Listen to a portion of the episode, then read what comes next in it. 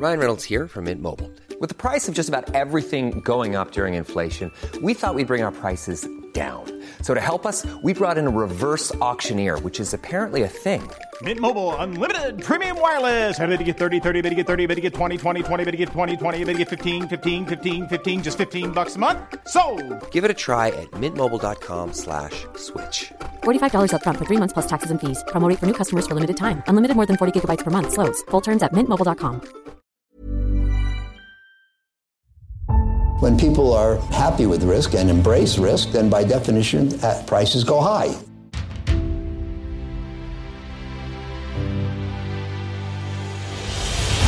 When the cycle turns down, they generally sell at prices that are far too low.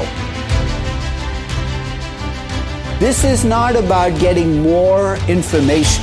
We live in a world where we have too much data. I'm uh, happy to report another stable quarter. Hallå och välkomna tillbaka till Aktiesnack. Det här är en podd som görs i samarbete med Kalkyl. Och idag så har vi ganska mycket att prata om nu när vi inte kört på två veckor. Jag kommer dra igenom de polska bolagen Grodno och Sannex och sen även prata lite spaningar. Och vad ska Peter den store prata om? Jag kommer prata om C-Limiteds Q4 och även gå igenom EQL Pharma som det har börjat snackats lite om på, på Twitter. Nice, men eh, det är svårt att göra den här podden utan att prata lite bankkollapser som varit väldigt aktuellt de senaste två veckorna.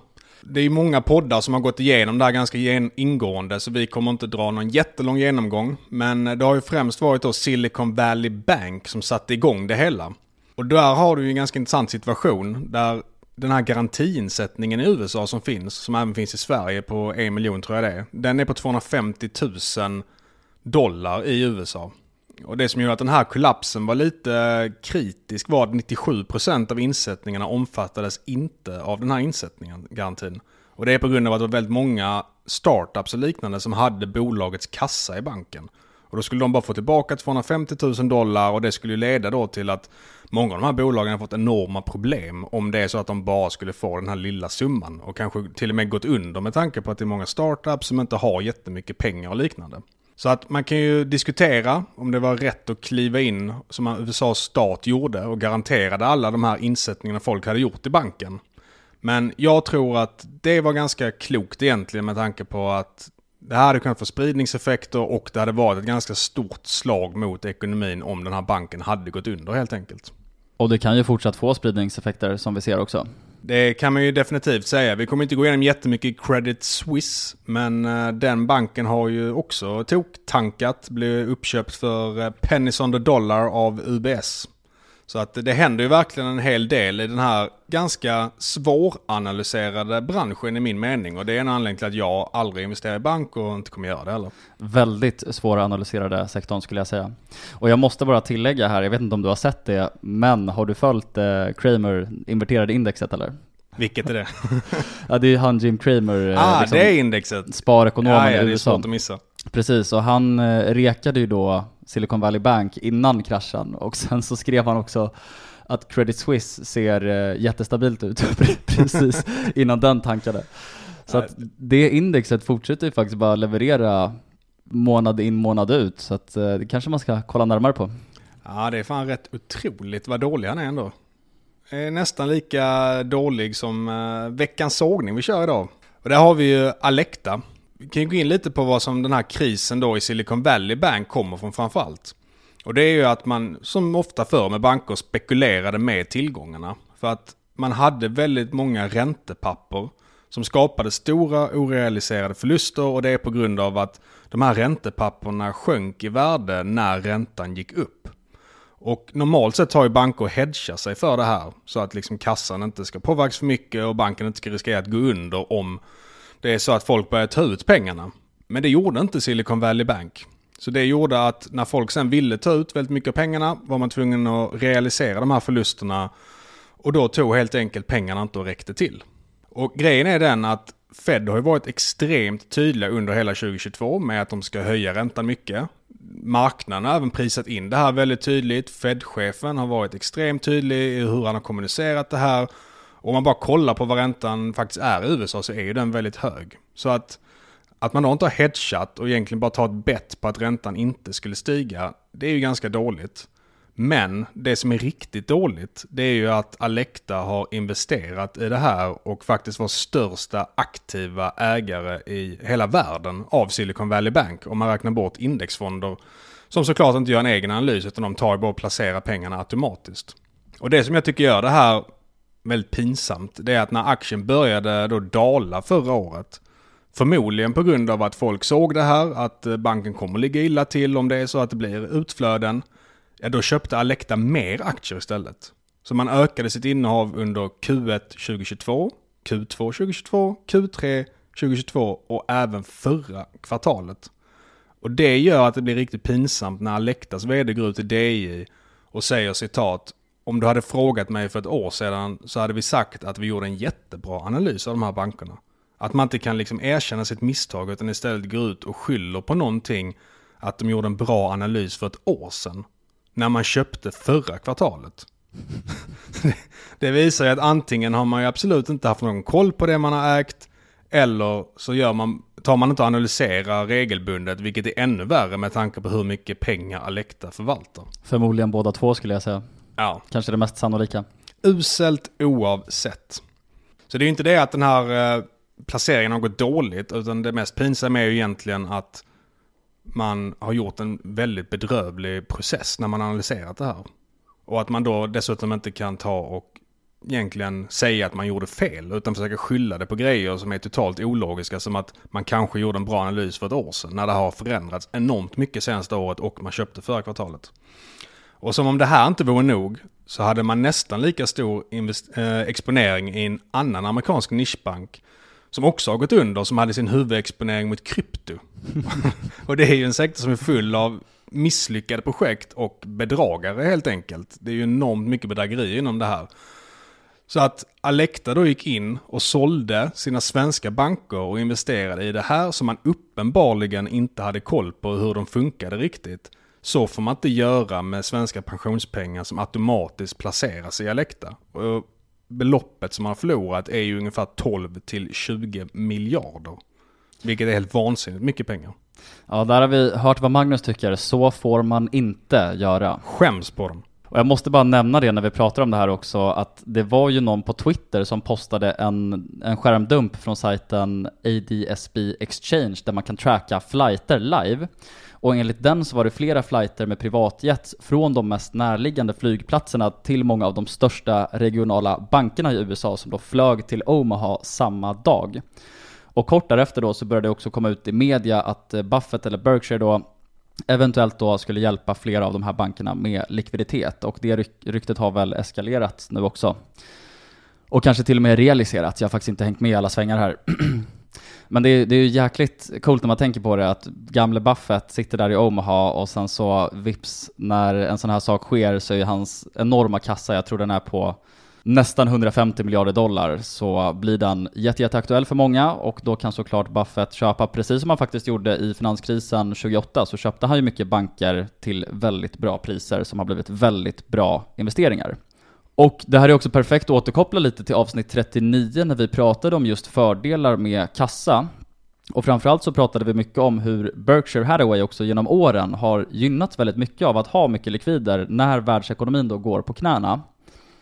Och så här skrev ju Buffett i aktieägarbrevet 2010, det sa jag även i avsnitt 39, men ni får höra det igen. During the episodes of financial chaos that occasionally erupt in our economy, we will be equipped both financially and emotionally to play offense while others scramble for survival. Och det är faktiskt ganska otroligt att en liknande händelse spelar ut sig just nu. Vad säger du om det här Magnus? Ja men det visar lite att uh, cash is king och Buffett är king. Och uh, jag väljer ju hellre Buffett än Alecta om jag säger så. Ja det är faktiskt ganska otroligt att Buffett, liksom i det långa perspektivet, typ alltid får rätt. Eller alltid är väl ett starkt ord, han har ju faktiskt gjort ganska många dåliga affärer också, men i det stora hela så fortsätter Buffett att vara alldeles, alldeles fantastisk, även fast han är 93 år nu tror jag. Och vi, vi, ska ju snart till Omaha också faktiskt igen och eh, få spana på de här herrarna. Fan, hur gammal är det Munger är nu? Det måste närma sig tresiffrigt. Munger är 99 och Buffett 93, tror jag. Kan vara 99 och 94. Men då lär det ju faktiskt bli mer snack om just banksektorn, tänker jag. Ja, Så uh, håll till godo, det kommer en update. det ser vi fram emot. Eh, innan dess så tänkte jag bara dra igenom en liten grej som jag har tänkt på. Jag har suttit och funderat lite på vilka sektorer som kan vara bra långsiktigt och lite vilka som kan vara dåliga också. Och eh, den första jag kom fram till som skulle kunna vara lite dålig det är eh, fastigheter. Och det är ingen sektor som jag själv investerar i men jag tror även att generellt så kan den här sektorn kanske gå betydligt sämre närmaste årtiondet än vad den gjort de senaste 70 åren i västvärlden. Och en stor anledning till det är att vi har haft en väldigt kraftig befolkningstillväxt i västvärlden, framförallt efter andra världskriget. Och sen även de senaste årtiondena med hjälp av mycket migration som nu håller på att minska i rasande takt. Urbanisering. Urbanisering som nu i stort är gjord egentligen i västvärlden. Räntan. Exakt, och där har vi räntan också. Det var min nästa poäng att vi kommer förmodligen ha lite högre inflation framöver med tanke på att man flyttar hem väldigt mycket produktion vilket drar upp priserna och då måste man också ha lite högre ränta. Så att de här grejerna som har jobbat för fastighetssektorn under väldigt lång tid kommer nu istället snarare jobba mot fastighetssektorn när vi inte har en kraftigt ökande befolkning och en sjunkande ränta. Så att eh, bara allmänt köpa fastighetsbolag, även om det är en, den har sin plats kanske om man vill diversifiera. Ganska stabil rörelse om man köper rätt bolag så tror jag att som sektor så kommer den underprestera närmaste årtiondet. Sen har vi också det här eh, work from home slash remote perspektivet kopplat till urbanisering tänker jag. Det vill säga att det bör inte ske lika kraftigt framgent för att fler kan faktiskt jobba remote helt enkelt. Sant, det är ju som man såg nu i USA så sjönk ju befolkningen ordentligt i eh, San Francisco framförallt men även Kalifornien i stort och den ökade mycket i Montana som är en, eh, jag tror den gränsar till eh, Kalifornien uppe i norr där, ganska nära San Francisco. Så det visar ju lite på det här att man behöver inte bo i en svindyr lägenhet mitt i stan längre. Så du supportar att jag bor i hyresrätt? Definitivt. Mycket bra Magnus. Och en sektor som jag tror kan ha lite problem faktiskt, som kanske är lite oväntad, det är eh, gaming. För det är ju lite så att alla kreativa IT-nördar vill ju gärna ta och utveckla egna spel och det är kul och det är kreativt och det är givande.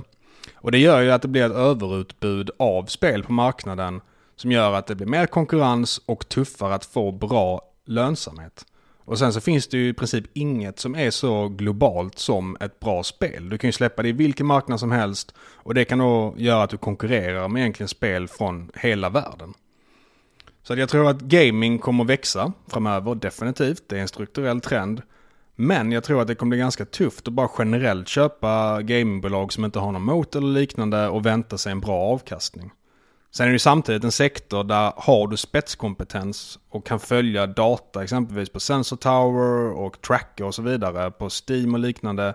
Då kan du definitivt ha en edge tror jag. Det är en ganska bra sektor i det avseendet. Men att bara vara en generalist som brett investerar i gaming, det tror jag kan bli lite tufft. Jag tycker att gaming är väldigt tufft för att jag ser inga moats förutom IPs.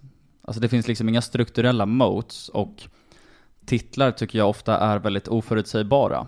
Så därför tycker jag att det är en sektor som är ganska svår att ta sig an som investerare. Nej men jag håller med och kollar man på mobilspel också så är det ju att folk fightas om att få liksom annonsplatserna på Facebook och liknande. Men ju fler som fightas om det ju dyrare blir det och ju dyrare blir det att skaffa kunder helt enkelt. Och du får lite sämre avkastning då. Och nu vill jag bara tillägga också att det där är en ganska bred generalisering från mig. Det finns ju såklart titlar där man kan, eh, där man har ganska bra visibilitet och kan estimera med ganska bra sannolikhet också. Så att det var mer ett, ett generellt perspektiv på att gaming i stort är ganska svårt att eh, investera i, enligt Ja. mig. Ja men exakt, och det är viktigt att punktera. Vi tror, jag tror i alla fall fortfarande att gaming kommer kunna vara väldigt lukrativt för rätt investerare. Men att eh, bara generellt skjuta brett, det kan nog vara rätt tufft.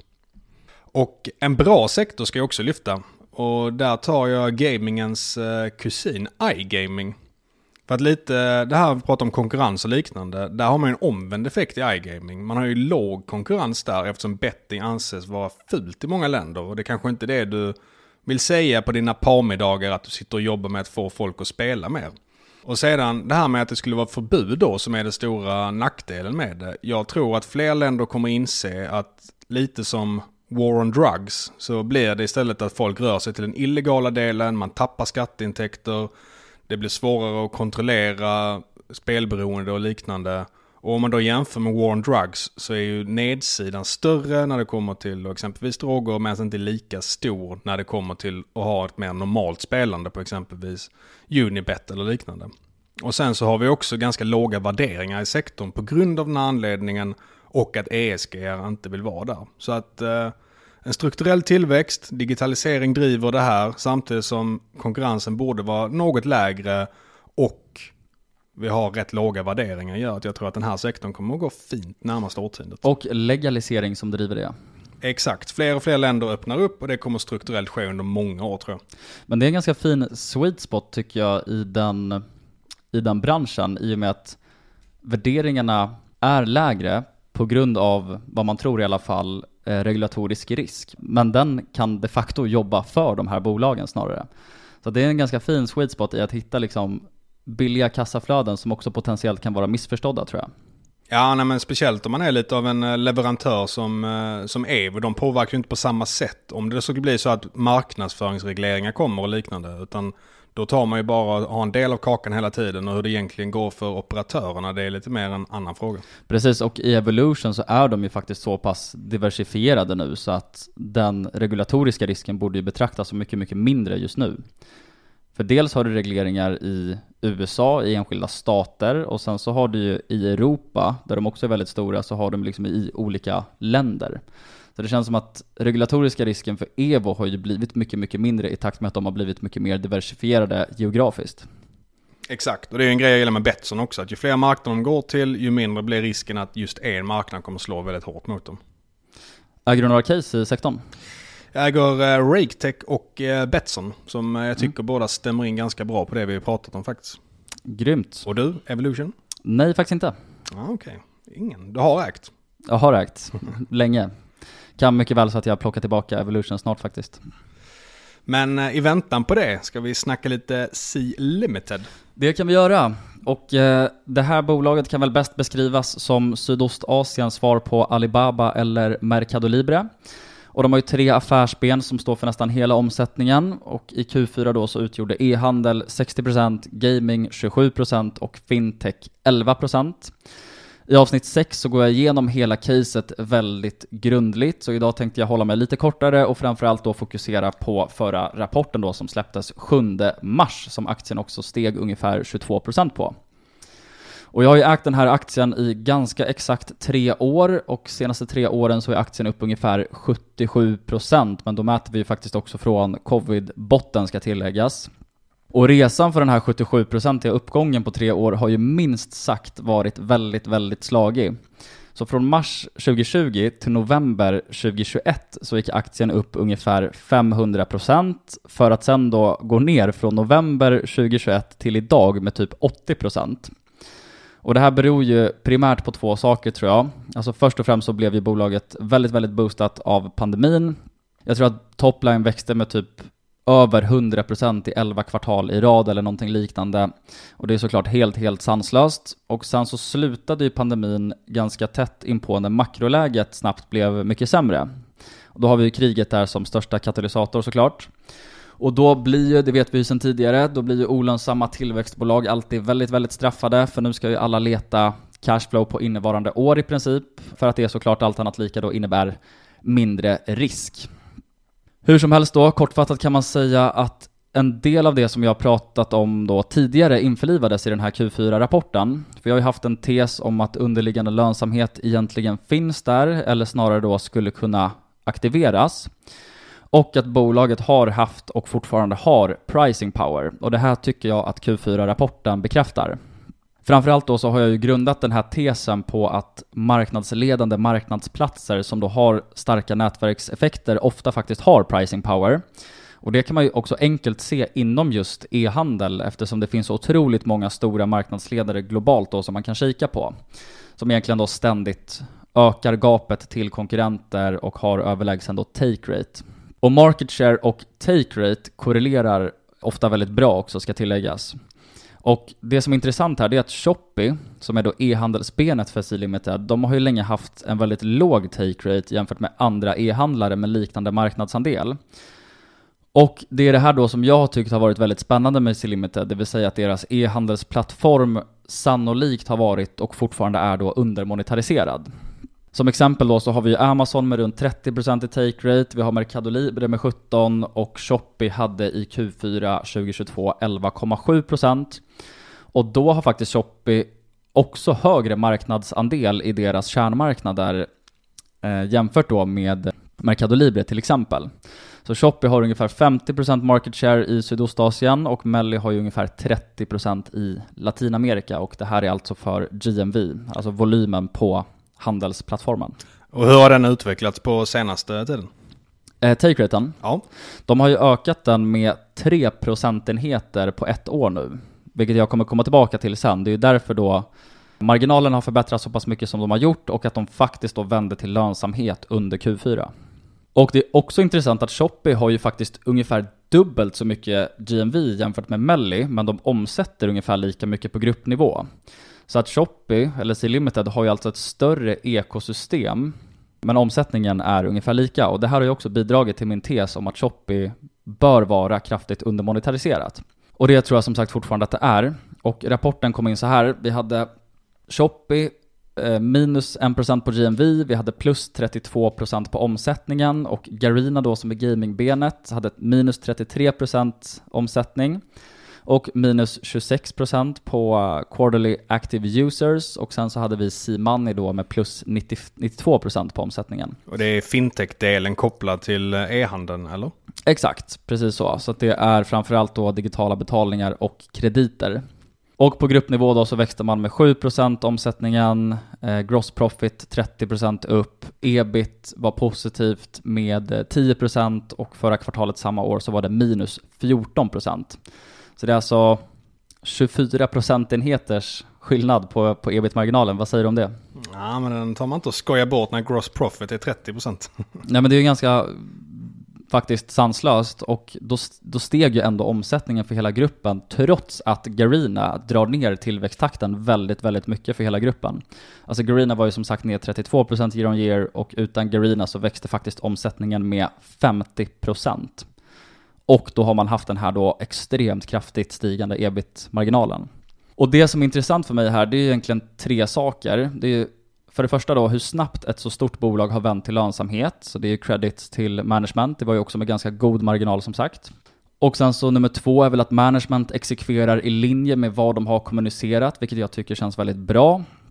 Och sen så tre då att man lyckas faktiskt växa omsättningen för Shopee och, och Simani då tillsammans med 50% trots att totala handelsvolymen var ner med 1%.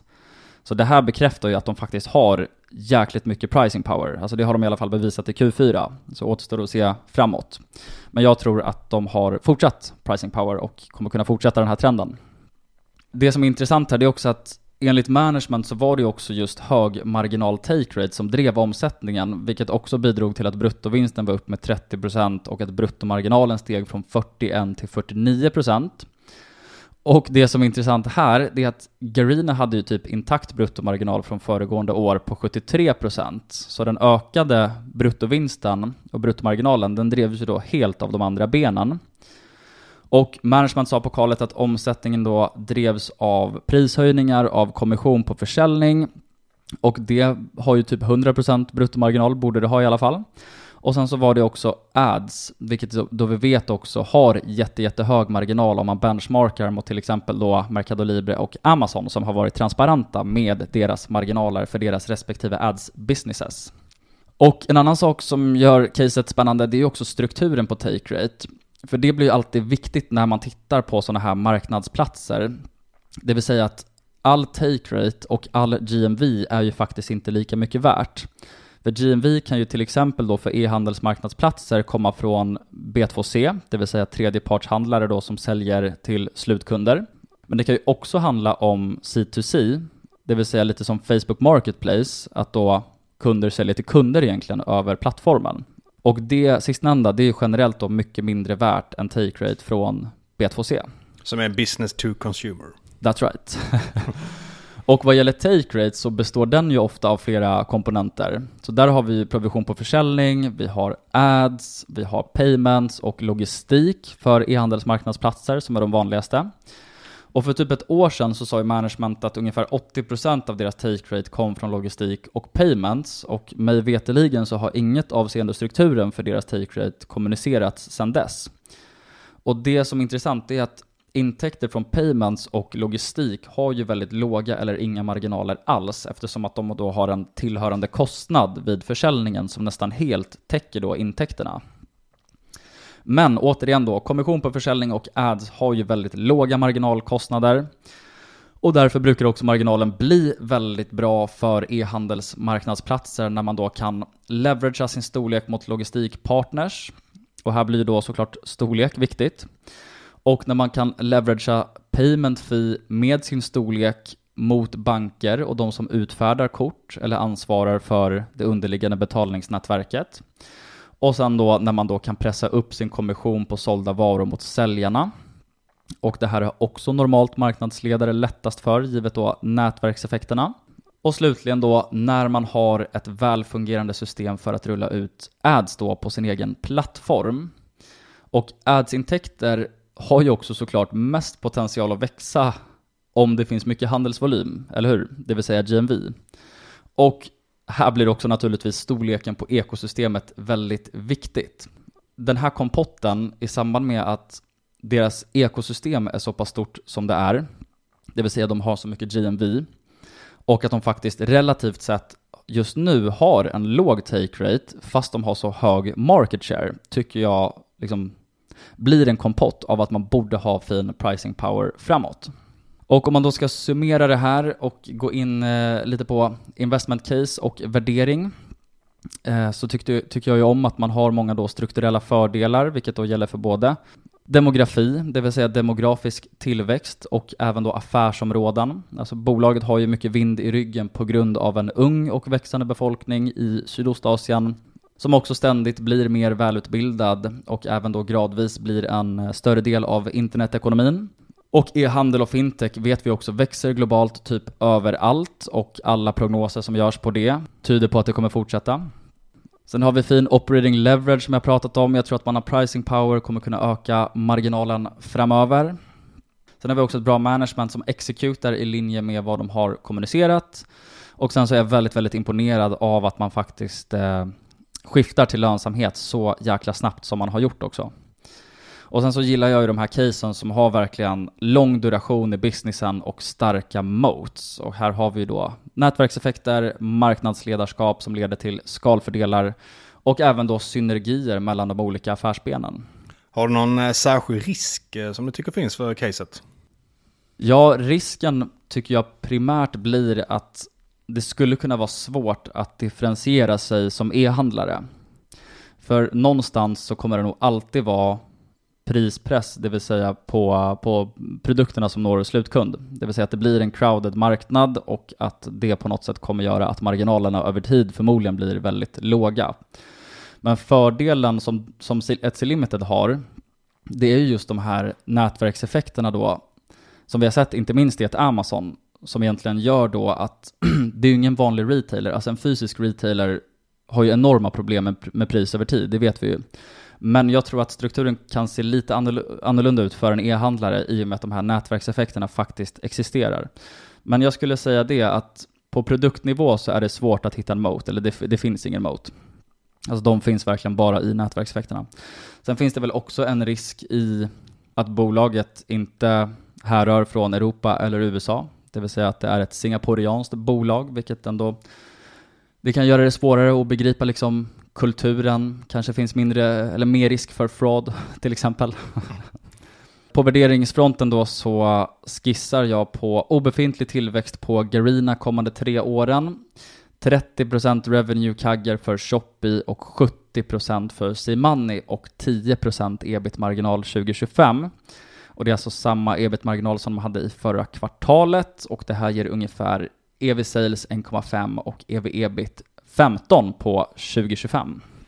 Hur stort är market capet på bolaget nu? Det är väl eh, typ 40 miljarder dollar. Inte din cup of tea. lite för stort, men eh, det är bra likviditet i alla fall. Sen, nu, nu pratade jag ju ebit här och ska också tilläggas att bolaget har ju capex demand också. Så att eh, kassaflödet kommer se annorlunda ut. Och det jag tycker är intressant nu det är att bolaget har en stark balansräkning, de har stor kassa och man har också bevisat nu att man kan vara lönsamma och kassaflödespositiva. Så att jag tycker att det finns mycket som är spännande här eh, på både lång och kort sikt. Och man har också så pass mycket krut och så pass mycket kassa att man borde faktiskt kunna gasa igen härifrån. Jag tror egentligen att bolaget har varit så extrema i att strypa kostnader och fokusera på lönsamhet, framförallt då för att bevisa för sig själva att det går. För då kan de ju operera med en större trygghet framåt. Och sen så vill man nog också visa marknaden att de klarar av det här också, vilket då som sagt belönades med 22% upp för aktien efter Q4. Och det som också är intressant är att management sa på earnings-callet att lönsamhet fortsatt är den absolut största prioriteringen. Så det ska bli jäkligt intressant att följa det här under året och se hur hög ebit-marginal man kan ha om ett år. Jag har minskat min position lite efter den här kraftiga uppgången, men jag äger fortfarande aktien. Och jag vill också säga det till de som investerar i det här caset att risk-reward blir faktiskt ganska mycket sämre för att det är peak dollar mot SEK nu också. Så resonerar i alla fall jag, för det här är ju ett case som, som i alla fall jag betraktar som väldigt långsiktigt och då är det naturligtvis lite sämre risk-reward att köpa på peak dollar. Som sagt, jag har sålt lite men äger aktien och jag tror väl att eh, det inte är omöjligt att den här dubblas på tre år. Hur skulle du sätta den i relation till eh, Mercado Libre? Jag har större size i Mercado Libre och det är för att det bolaget är betydligt egentligen stabilare tycker jag i och med att de har bevisad lönsamhet över tio år. Just nu växer de också mycket snabbare. Eh, så att jag, jag tycker egentligen att bolagsmässigt så ser allt egentligen bättre ut i ett Mercado Libre faktiskt. Just för att det finns så mycket mer historik att titta på där. Grymt! Men eh, jag är ju på lite filosofhumör idag så jag ska dra en liten filosofgrej till faktiskt. Spännande. Eh, jag såg ett reportage i DI för ett tag sedan. De gick igenom folkaktier som har presterat väldigt dåligt och väldigt bra de senaste 20 åren. Och eh, bland de som har presterat väldigt bra så hade vi exempelvis Investor och Volvo som rusat med 2700 respektive 1600 procent. Medan exempelvis H&M och Ericsson gravt hade underpresterat index under den här tiden. Och det fick mig att tänka lite på en eh, spaning som kanske inte är superrelevant för de som är väldigt insatt och lägger mycket tid på aktier, vilket förmodligen många gör som lyssnar på den här podden. Men om exempelvis eh, det kommer någon farbror till er och vill ha tips om någon sån aktie, då tror jag det är ganska bra att ta en aktie som inte är under så stor förändring. Bolaget inte är under så stor förändring. För det tycker jag är lite gemensamma nämnaren här. Kollar vi på Ericsson och H&M då har vi ju H&M där det är mode, du har ingen starkt märke egentligen i hm kläderna i sig. Utan det är mode, det kan förändras snabbt. Du har Ericsson, det förändras var femte år med 3G, 4G, 5G, fiberutbyggnad. Men kollar vi på Volvo som säljer lastbilar, då är det en extremt tråkig bransch med lastbilar som ungefär är likadana som för 40 år sedan egentligen. Så att det är en liten grej jag tar med mig. Att om ni får lite tips då och ni vet att det här är inte en person ni pratar aktier med en gång om året, kanske eller en gång i kvartalet ens. Då är det nog ganska bra att ta aktier som kanske är lite mer, typ ett Volvo eller ett SCA. Som är väldigt trögrörliga, det händer inte så mycket. Det kan inte bli så att när er farbror kommer om tio år så är han sur på er för att H&M inte har rört på sig. Jag eh, har ett helt annat perspektiv där. Oj, det intressant. Jag vill säga så här, ta reda på hur mycket pengar personen i fråga ska investera. Och om inte det är något jättestort belopp så vill jag rekommendera att pitcha det sämsta biotechbolaget du kan hitta för att den här personen ska lära sig att aktier är svårt och att man måste göra sin egen analys och så förmodligen så blir det en ganska bra läropeng. Så att även om den aktien går ner 80% så kanske faktiskt ROI blir extremt, extremt bra. Föder en ny Buffett istället. Bara för att vara väldigt filosofisk här också. Och det var lite caset för mig själv faktiskt när jag började, för då köpte jag just ett biotechbolag. Och det var en kompis som rekade det och det gick åt helvete rent ut sagt. Jag förlorade väl 75% av, av det jag köpte för. Men det väckte ju någonting i mig. Jag vet inte om det var liksom att jag bara ville få tillbaka de pengarna jag hade förlorat. Eller om jag faktiskt tyckte att det var väldigt kul. Men hur som helst, om någon frågar, rekommenderar det sämsta biotechbolaget du kan hitta om inte beloppet är för stort. för då kan läropengen bli väldigt bra på sikt. Ja men det är sant. Ge en man en fisk och han är mätt för dagen. Lär honom fiska och han kan bli rik som Peter. Oh. Ja men eh, som med det så är det slutfilosoferat idag. Då ska vi istället gå in lite på Grodno och Sannex som är två polska bolag. Först lite uppföljning på Grodno som är ett polskt bolag då som jag drog i podden förra sommaren när aktien stod i 1670. Och eh, jag var ju väldigt bullish då och eh, hade aktien som mitt största innehav. Grodno är en återförsäljare inom bygg som även har 35% av försäljningen relaterad till förnybar energi. Så man är lite som ett Bröderna Johansson egentligen fast mer förnybar energi. Och jag lyfte några risker då som att man var till stor del exponerad mot bygg och att inflationen kunde påverka negativt. Men jag såg ändå en väldigt bra risk-reward i aktien. Och tyvärr har inte det här bolaget gått fundamentalt som jag hoppades. Utan riskerna med hög inflation och byggexponeringen har ju definitivt överskuggat de fina egenskaperna jag såg i bolaget. Så jag sa förra år, våren att jag såg en viss sannolikhet för att vinsten skulle minska under kommande året. Men jag trodde ju helt klart att man skulle kunna hålla uppe marginalen betydligt bättre än vad man har gjort. Och den har verkligen krackelerat under året samtidigt som försäljningen ändå hållit sig ganska bra. Så att man ligger på ev-ebit 6 idag. Men med den trenden man har och med den marknaden vi har så tror jag att vinsten kommer minska närmaste året ganska betydligt på grund av att man inte har någon bra kostnadskontroll. Verkar inte riktigt kunna föra över kostnaderna till kunderna. Så det ledde till att jag har sålt mina aktier mest runt eh, 14 eh, slotti som då är eh, valutan. Och det blev en av de sämsta affärerna förra året för mig.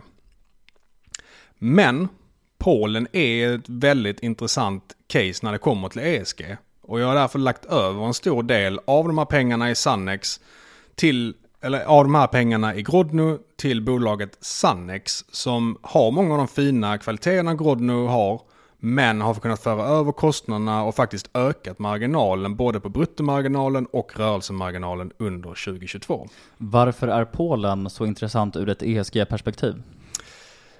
Jag kan dra en ganska lång harang där, men eh, det är för att av de 50 städerna i Europa som har mest luftföroreningar så ligger 36 i Polen. Så att det är enormt stora problem med luftföroreningar. Det dör ungefär 40 000 om året av luftföroreningar, vilket är en rätt sjuk siffra. Och då gissar jag att staten investerar och subventionerar mycket i landet, eller? Exakt. Man har väldigt stora program för att fram till 2030 ställa om hela energimixen egentligen. Det är väldigt mycket kolkraft idag. Det är bara 10% ungefär som har värmepumpar jämfört med 90% i Sverige. Utan väldigt många värmer sina hus med kol och liknande. Det har väl också blivit ganska populärt bland många ESG-bolag i Sverige att man just expanderar till Polen, just av den här anledningen. Exakt, både Eolus och Arise som jag faktiskt täckte när jag jobbade på Pensor eh, har gått ut med att de ska till Polen. Lite nästan som ett buzzword som typ AI för IT-bolag. Och det är för att när man kollar på EUs beräkningar och vilka marknader som kommer växa mest fram till 2030 så är det Tyskland och Polen som kommer växa mest i absoluta tal av alla länder i hela Europa. Oh, absoluta tal till och med på ett ganska litet land. Exakt, så det är väldigt intressant mm. och eh, där har du egentligen bakgrunden till varför jag tror att det här kan vara en så bra marknad för detta. Och caset, varför är det ett bra case? Nej men det är ju en billig värdering trots att man har den här strukturella tillväxten och växer väldigt snabbt. Man bildades 2002, man har drygt 300 anställda och säljer då solpaneler, värmepumpar och eh, monteringsställ till exempel till solpaneler. Och cirka 30% av försäljningen sker i Polen, men Tyskland är faktiskt en ännu större marknad. Så att 70% sker utanför Polen och där är Tyskland den absolut största. Och man har växt sin eh, omsättning per aktie 12 gånger sedan 2010. Man har växt vinst per aktie 12 gånger sedan 2018.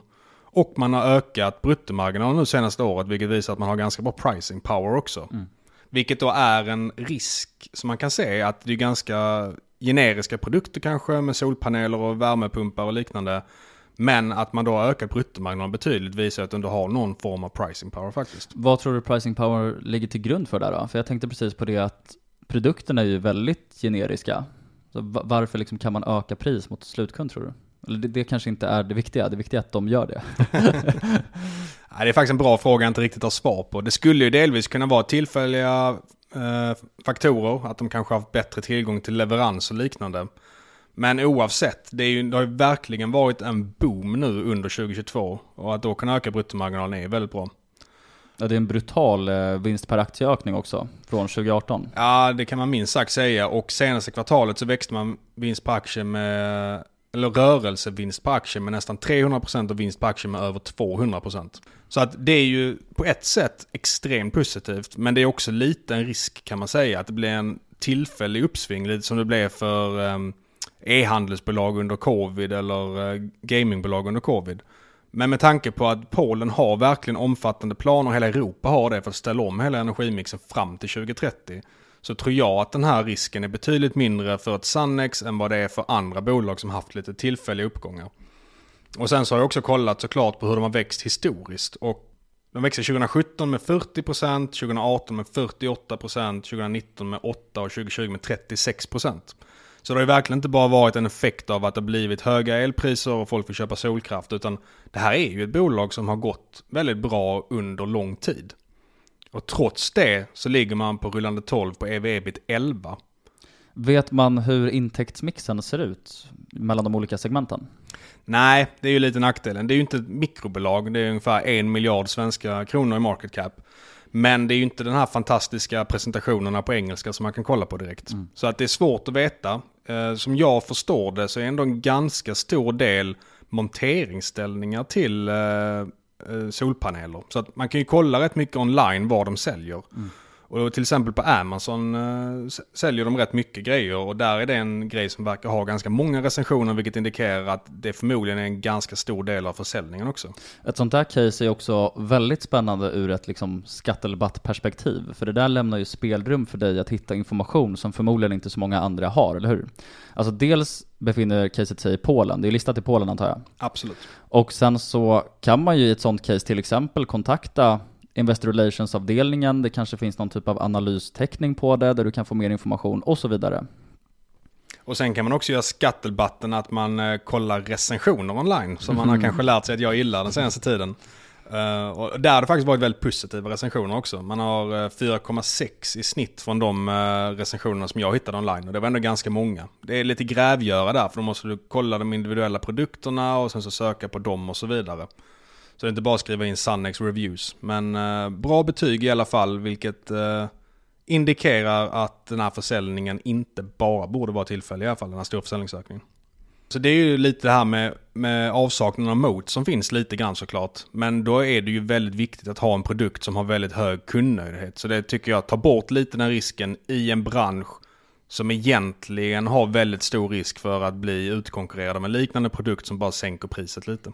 Precis, alltså stigande försäljning, alltså kraftigt stigande försäljning, stigande bruttomarginal, eller kraftigt stigande bruttomarginal och bra recensioner, det blir ändå en kompott av att de gör ju någonting väldigt, väldigt rätt. Och förmodligen hittar vi också det på produktnivå. Exakt.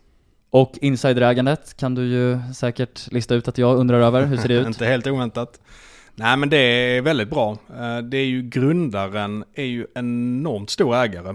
Han äger 25% privat. Sen äger han två andra bolag som äger ytterligare 50% i bolaget. Jag är inte 100% på att han äger de här bolagen själv eller hur det ser ut. Men i alla fall så är insiderägande någonstans mellan 25 och 75%. Så att eh, man kan ju lugnt sagt säga att man sitter i samma båt som den största ägaren. Är han operationellt aktiv också eller?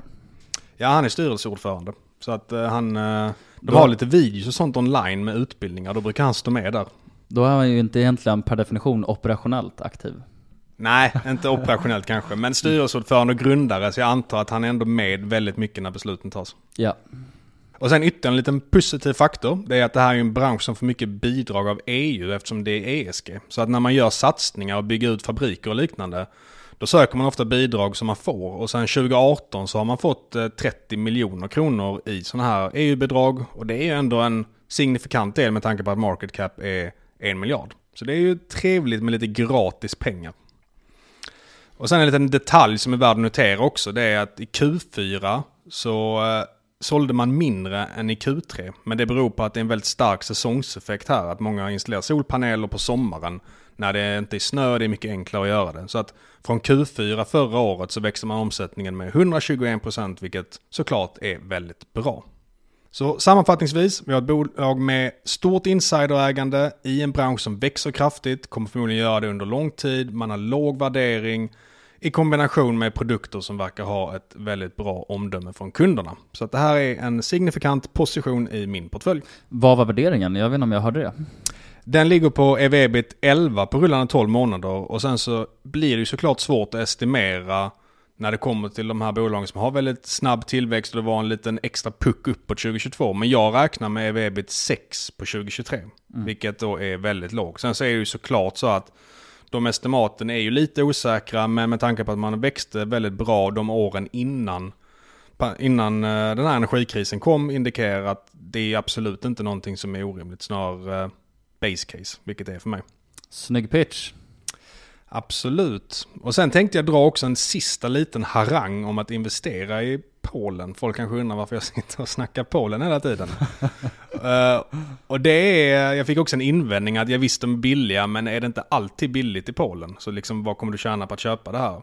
Och det är en grej som jag definitivt inte håller med, i, med dem. Jag har läst en bok där som heter Global Value som visar att länder som har väldigt lågt chill och PE presterar bra närmaste decenniet efter det och de som har väldigt högt presterar dåligt.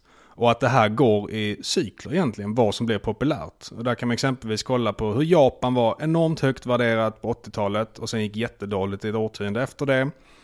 Och kollar vi exempelvis på Polen så hade de kilo PE på 30 2007. Så det här har varit en riktig poppismarknad. Och nu ligger kilo PE på och det kan vi jämföra exempelvis med Indien som låg på 34 då när Polen låg på 30. Och nu ligger Indien på 30 när Polen ligger på 8. Så det är ju inte några enorma grejer som har hänt i de här länderna, exempelvis Polen. Det är inte så att det varit någon statskupp eller liknande, utan det är ju mycket psykologi i det här. Vilka marknader är populära, lite som varför är vissa aktier så otroligt populära ibland och sen så blir de totalt hatade. Och nu antar jag att Polen kanske kortsiktigt är ännu mer nedtryckt än vad det var innan givet kriget också. Ja, det kan säkert ha en, ha en anledning. Så Polen, det är alltså ett plus för det här caset? För jag tänkte faktiskt fråga det innan då, att det borde vara någon typ av risk, det vill säga att multipeln generellt kanske borde vara lägre, men då har du faktiskt ett jätte, jättebra svar på det. Exakt. Och sen ska man också med sig att 70% av eh, försäljningen sker ju utanför Polen. Man har en liten utdelning. VDn eller styrelseordföranden och grundaren sitter ju i samma båt som en och kollar man på Polen så är det ett land som haft bättre BNP per capita tillväxt än Sverige de senaste tio åren. Så att det är ju inte så att det är ett ekonomiskt dåligt land. Mycket bra pitch Magnus. Grymt. Men eh, med det sagt så vill vi höra mer om EQL Pharma nu. Det ska ni få göra.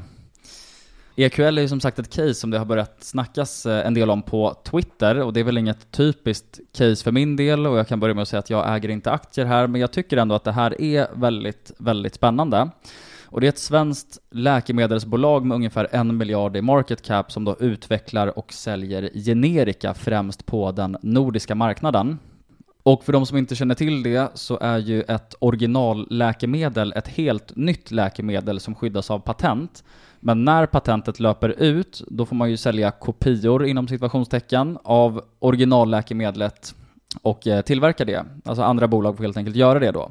Och de här kopiorna kallas alltså för generiska läkemedel eller generika.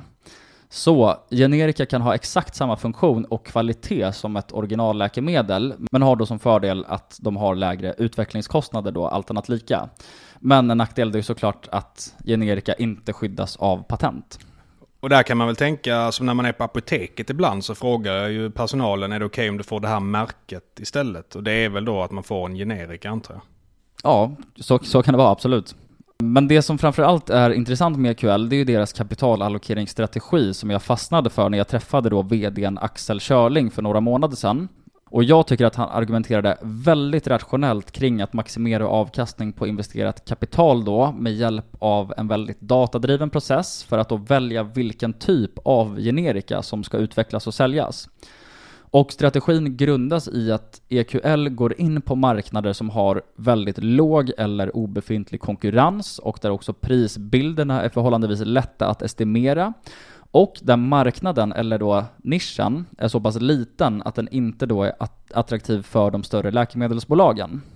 Så, man försöker liksom kapitalallokeringsmässigt hitta här en sweet spot utifrån eh, de här ramarna då skulle man kunna säga. Och med det här som grund då så är min bild att det här är ett execution slash management case. Alltså det bygger på mycket trust på management och att de kommer exekvera bra. För EQL har ju egentligen ingenting revolutionerande whatsoever när det då kommer till produkter, men de har en väldigt rationell strategi. Så rent operationellt då så borde det här innebära bra potentiell uppsida till begränsad risk egentligen. Och det här är också precis det som management säger själva då om den här strategin. Och sen så gillar jag också att caset troligtvis är underanalyserat. Alltså dels har vi lågt market cap som då precis har passerat en miljard kronor. Vi har låg likviditet i handeln och sen så är också free float väldigt låg eftersom insiderägandet är väldigt, väldigt högt. 62% av bolaget ägs alltså av insiders, vilket såklart är ett jätteplus. Satan, jävla insider-case vi har idag. och siffrorna ser ju också just nu artificiellt sämre ut för att EQL gjorde en opportunistisk satsning då på att sälja covid-tester, vilket just nu då hämmar både tillväxt och marginaler, vilket i sin tur gör att totalen ser sämre ut. Och självtesterna då, som finns i lagret, de skrevs ju också ner förra kvartalet med 25% tror jag och påverkade därför ebit. Och de här lär ju då skrivas ner ytterligare då nästa kvartal tror jag. Och eh, de främsta riskerna är väl egentligen då rd relaterad risk eftersom att man då är beroende av att skapa nya generikor som levererar. Och det finns även en viss geografisk expansionsrisk tycker jag. Alltså för att klara målen så behöver bolaget expandera både produktmässigt och geografiskt. Det är den här delen som jag egentligen tycker är svårast att förstå i det här caset, vilket också gör att jag betraktar det mycket som ett management trust case egentligen. Alltså det finns liksom ingen strukturell moat i ett EQL som jag annars gillar, som de flesta säkert känner till. Alltså det finns liksom inga nätverkseffekter, ingen vidare liksom brand moat, eh, inga större skalfördelar, alltså det är ett väldigt litet bolag. Har det varit så att man har liksom prickat rätt i något läkemedel och det har stått för nästan hela omsättningsökningen och vinsten? Eller har det varit liksom utspritt på flera läkemedel över flera år? Ja men det är ganska diversifierat, vilket jag också gillar. För att de har liksom lyckats med flera läkemedel och de har en väldigt bred pipeline nu kan vi också tillägga. Ja, men det visar ju ändå att de har en bra process i alla fall. Precis, precis. Det är det, det jag gillar med caset också, att du har någon typ av bekräftelse på att de faktiskt gör rätt saker. Och den finansiella utvecklingen de senaste åren har också varit väldigt bra för core business, alltså om vi exkluderar covid-självtesterna. Och EQLs finansiella mål är att öka omsättningen i genomsnitt med 40% per år till och med räkenskapsåret 2024-2025. Exklusive då försäljning av engångskaraktär, till exempel då covid-19-testerna. Och marginalmålet 2025 det är att minst ha 25% ebit. Och vid första anblick så väcks ju troligtvis många frågor här. Det, det, gjorde det för mig i alla fall. Till exempel då att marginalmålet för ebit är högre än vad bolaget hade i bruttomarginal 2022. Så det känns ju väldigt, väldigt offensivt. Men gräver man lite så finns det ganska bra svar på det här tycker jag. För marginalerna har varit jättevolatila historiskt och det är ju då främst på grund av sådana här opportunistiska satsningar som sagt av engångskaraktär. Och det här kan då vara ytterligare en anledning till att caset potentiellt då är missförstått. För covid-testerna gjorde ju att marginalen blev väldigt mycket sämre under både 2020 och 2021 framförallt. Men samtidigt då så kunde ju EQL bygga upp kassa på grund av det här för att de gjorde ändå det framgångsrikt, vilket gör att de till exempel kan vara mer framåtlutade idag. Och covid sales då kommer ju gradvis försvinna härifrån, vilket då kortsiktigt påverkar tillväxten negativt. Men det kommer också tydliggöra tillväxt och marginaler för kärnverksamheten. Så det här tror jag som sagt kan vara också en anledning till att det kan vara missförstått och att folk inte riktigt har upptäckt det här. Så att alltså i en screener så ser ju alltså tillväxt och marginal sämre ut än vad det egentligen är. Eh, även på grund av nedskrivningar som sagt. För kärnverksamheten har en bruttomarginal på 50% faktiskt, men eh, rapporterad bruttomarginal på rullande 12 ligger på 30% nu. Så om vi summerar det här caset då så har vi en hungrig, ung och kompetent eh, incentiverad ledning som jag upplever som väldigt, väldigt rationell. Vi har en tydlig kapitalallokeringsstrategi då med fokus på förutsägbarhet och avkastning på investerat kapital och det här älskar jag. Det vet vi. Och som följd också, för de här eh, överlappar överlappar lite, men då har vi också låg konkurrens eftersom EQL då riktar in sig på nischade generikor som då rimligtvis är för små för att jättarna ska vara intresserade. Och sen så har vi också att caset potentiellt är missförstått och då har vi ju som sagt en missvisande resultaträkning, alltså i sin helhet. Vi har lågt market cap, låg likviditet och låg free float. Och sen så har vi en underliggande väldigt intressant core business med både hög visibilitet och bolaget är duktiga och eh, transparenta på liksom sin redovisning här. Och så här redovisar då till exempel kärnverksamhet och covid-testerna. Och sen ytterligare en grej som är ganska positiv i de här tiderna det är att det borde ju vara extremt eh, okonjunkturkänsligt. Precis. Nu när vi går in i kanske lite sämre ekonomiska tider. Precis, instämmer. Och jag tror att bolaget handlas omkring 10-13 gånger ev-ebit 2025. Så att för mig blir det här inte någon screaming buy-värdering. Jag äger till exempel hellre Vertisit till vad jag tror 6,5 gånger ebitda 2024, så ett år tidigare också. Allt handlar ju som ni vet om alternativkostnad vid det här laget. Men jag tror också att EQL är ett case som skulle kunna överraska på uppsidan, för man har som sagt en väldigt bred pipeline av nya generikor, och någon av de här skulle ju absolut kunna slå hårt på uppsidan. Och jag tycker att det är ganska vettigt att tänka så kring EQL, givet att man har en väldigt fin historik, man har en VD som jag tycker säger egentligen allt man vill höra som aktieägare kopplat till operationell risk-reward skulle man kunna säga. Så att jag, jag vet inte, jag tror att det här caset skulle kunna slå ganska bra på uppsidan också. Eh, men det där är ju liksom mitt base-scenario, vad jag tror är mest sannolikt då. Slutligen så vill jag tipsa om en eh, analys då som min goda vän och medgrundare på Kalkyl skrev, Pontus Fredriksson. Det är säkert många som känner till han som Carl Philip Silversköld dock. Eh, han täcker ju EQL på Kalkyl och har gjort en riktigt, riktigt grym genomgång i vanlig ordning. Och jag råkar också veta att Pontus är jäkligt håsad på det här caset. Så för de som vill gräva mer i det här caset så eh, in på kalkyl.se och läs Pontus analys. Ja men grymt, jag tycker det låter jäkligt intressant ändå. Speciellt den här delen med hur konjunkturokänsligt det är nu i de här tiderna. Och vilka ambitioner de har om att växa framöver. Det verkar ju mm. rätt sjuka faktiskt. Kan tillägga också att det är ju mycket duktigt medtech-folk som har börjat snacka om den här aktien. Så det är väl också någon liten fjäder i hatten skulle jag säga. Ja, jag är ju tyvärr inte en av dem för jag kan ingenting om det här. Men eh, jag ska nog fan läsa på lite. Du är inte med i alla nätverk som jag är med i Magnus. Nej, tyvärr. Exklusiva.